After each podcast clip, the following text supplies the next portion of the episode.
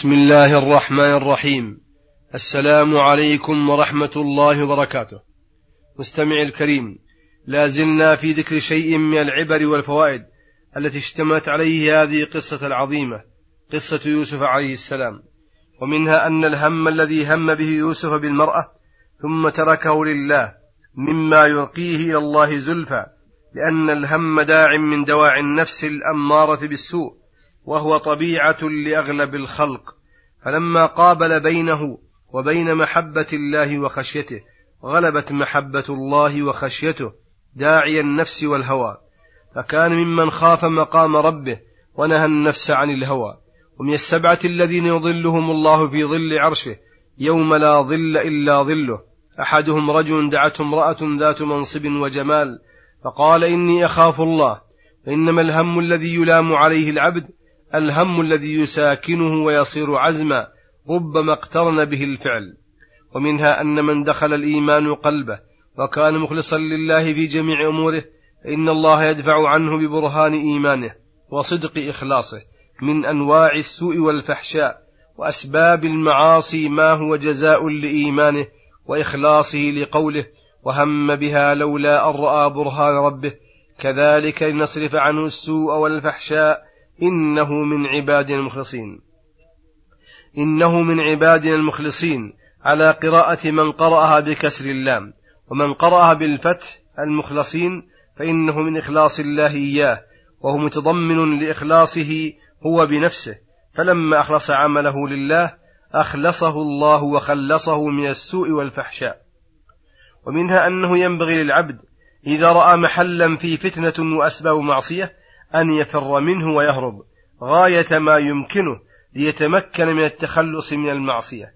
لأن يوسف عليه السلام لما راودته التي هو في بيتها فر هاربا يطلب الباب ليتخلص من شرها ومنها أن القرائن يعمل بها عند اشتباه. فلو تخاصم رجل وامرأته في شيء من أواني الدار فما يصلح للرجل فإنه الرجل وما يصلح للمرأة فهو لها. هذا إذا لم يكن بينة. وكذا لو تنازع نجار وحداد في آلة حرفتهما من غير بينة والعمل بالقيافة في الأشباه والأثر من هذا الباب.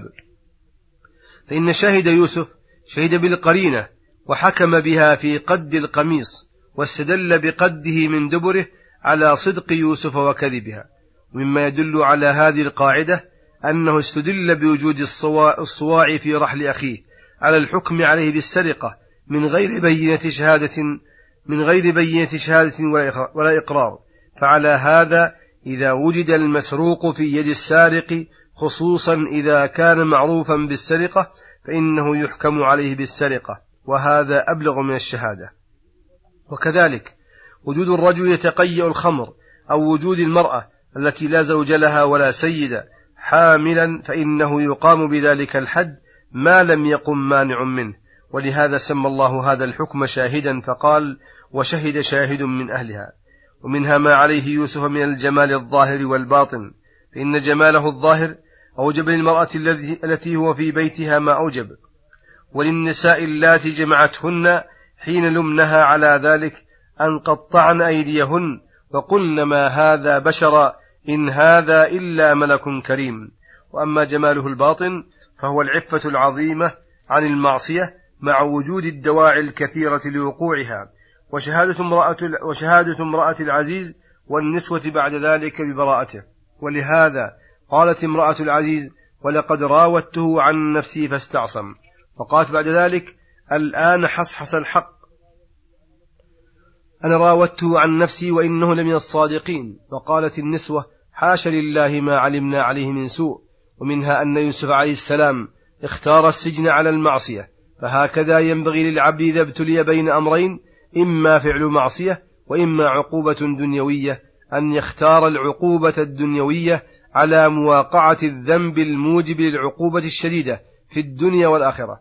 ولهذا من علامات الإيمان أن يكره العبد أن يعود في الكفر بعد أن أنقذه الله منه كما يكره أن يلقى في النار. ومنها أنه ينبغي للعبد أن يلتجأ إلى الله أن يلتجئ إلى الله ويحتمي بحماه عند وجود أسباب المعصية فيتبرأ من حوله وقوته لقول يوسف عليه السلام وإلا تصرف عني كيدهن أصب إليهن وأكن من الجاهلين ومنها أن العلم والعقل يدعوان صاحبهما إلى الخير وينهيانه عن الشر وأن الجهل يدعو صاحبه إلى موافقة هوى النفس وإن كان معصية ضارا لصاحبه. ومنها أنه كما على العبد عبودية لله في الرخاء فعليه عبودية له في الشدة. فيوسف عليه السلام فيوسف عليه السلام لم يزل يدعو إلى الله فلما دخل السجن استمر على ذلك ودعا الفتيين إلى التوحيد ونهاهما عن الشرك. من فطنة عليه السلام أنه لما رأى فيهما قابلية لدعوته حيث ظنا فيه الظن الحسن فقال إنا نراك من المحسنين وأتياه لأن, يعب وأتياه لأن يعبر لهما رؤياهما. فرآهما متشوقين لتعبيرهم لتعبيرها عنده. رأى ذلك فرصة فانتهزها فدعاهما إلى الله تعالى قبل أن يعبر رؤياهما ليكون أنجح لمقصوده وأقرب لحصول مطلوبه. وبين لهما أولا أن الذي أوصله إلى الحالة رأياه فيها من الكمال والعلم إيمانه وتوحيده. وتركه ملة من لا يؤمن بالله واليوم الآخر.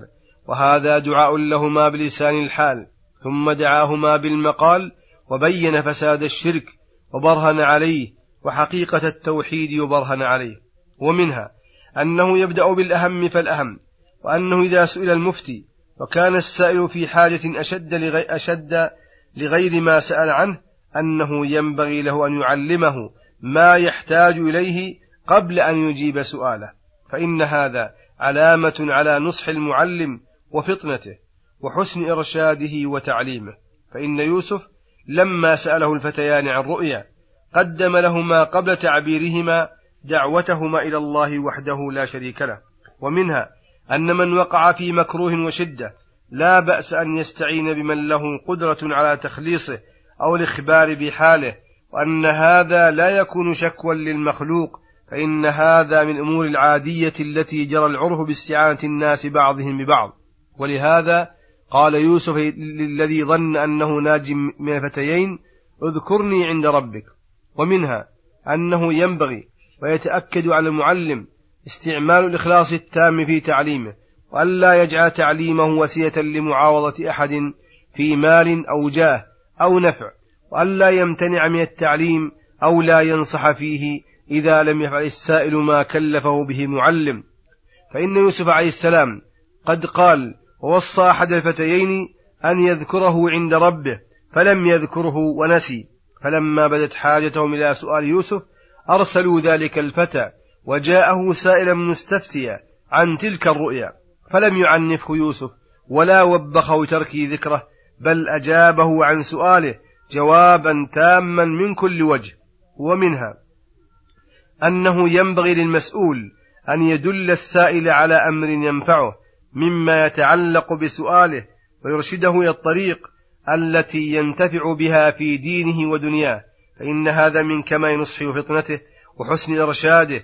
فإن يوسف عليه السلام لم يقتصر على تعبير رؤيا الملك بل دلهم مع ذلك على ما يصنعون في تلك السنين المخصبات من كثرة الزرع وكثرة جبايته ومنها أنه لا يلام الإنسان على السعي في دفع التهمة عن نفسه وطلب البراءة لها بل يحمد على ذلك كما امتنع يوسف عن الخروج من السجن حتى تتبين لهم براءته بحال النسوة اللاتي قطعن أيديهن.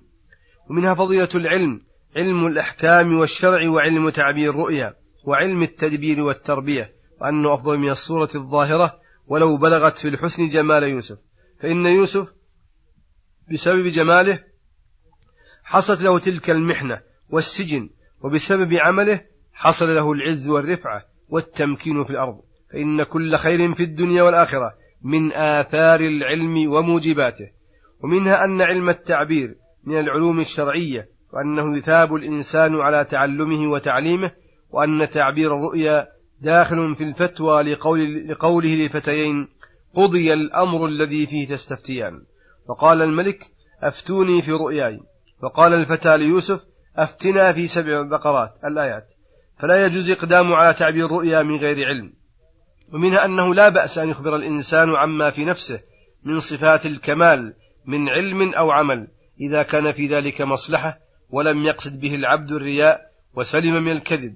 لقول يوسف اجعلني على خزائن الأرض إني حفيظ عليم. وكذلك لا تذم الولاية إذا كان المتولي فيها يقوم بما يقدر عليه من حقوق الله وحقوق عباده وأنه لا بأس بطلبها. إذا كان أعظم كفاءة من غيره وإنما الذي يذم إذا لم يكن فيه كفاية أو كان موجودا غيره مثله أو أعلى منه أو لم يرد بها إقامة أمر الله فبهذه الأمور ينهى عن طلبها والتعرض لها وصلى الله وسلم على نبينا محمد وعلى آله وصحبه أجمعين. إلى الحلقة القادمة غدا إن شاء الله. والسلام عليكم ورحمة الله وبركاته.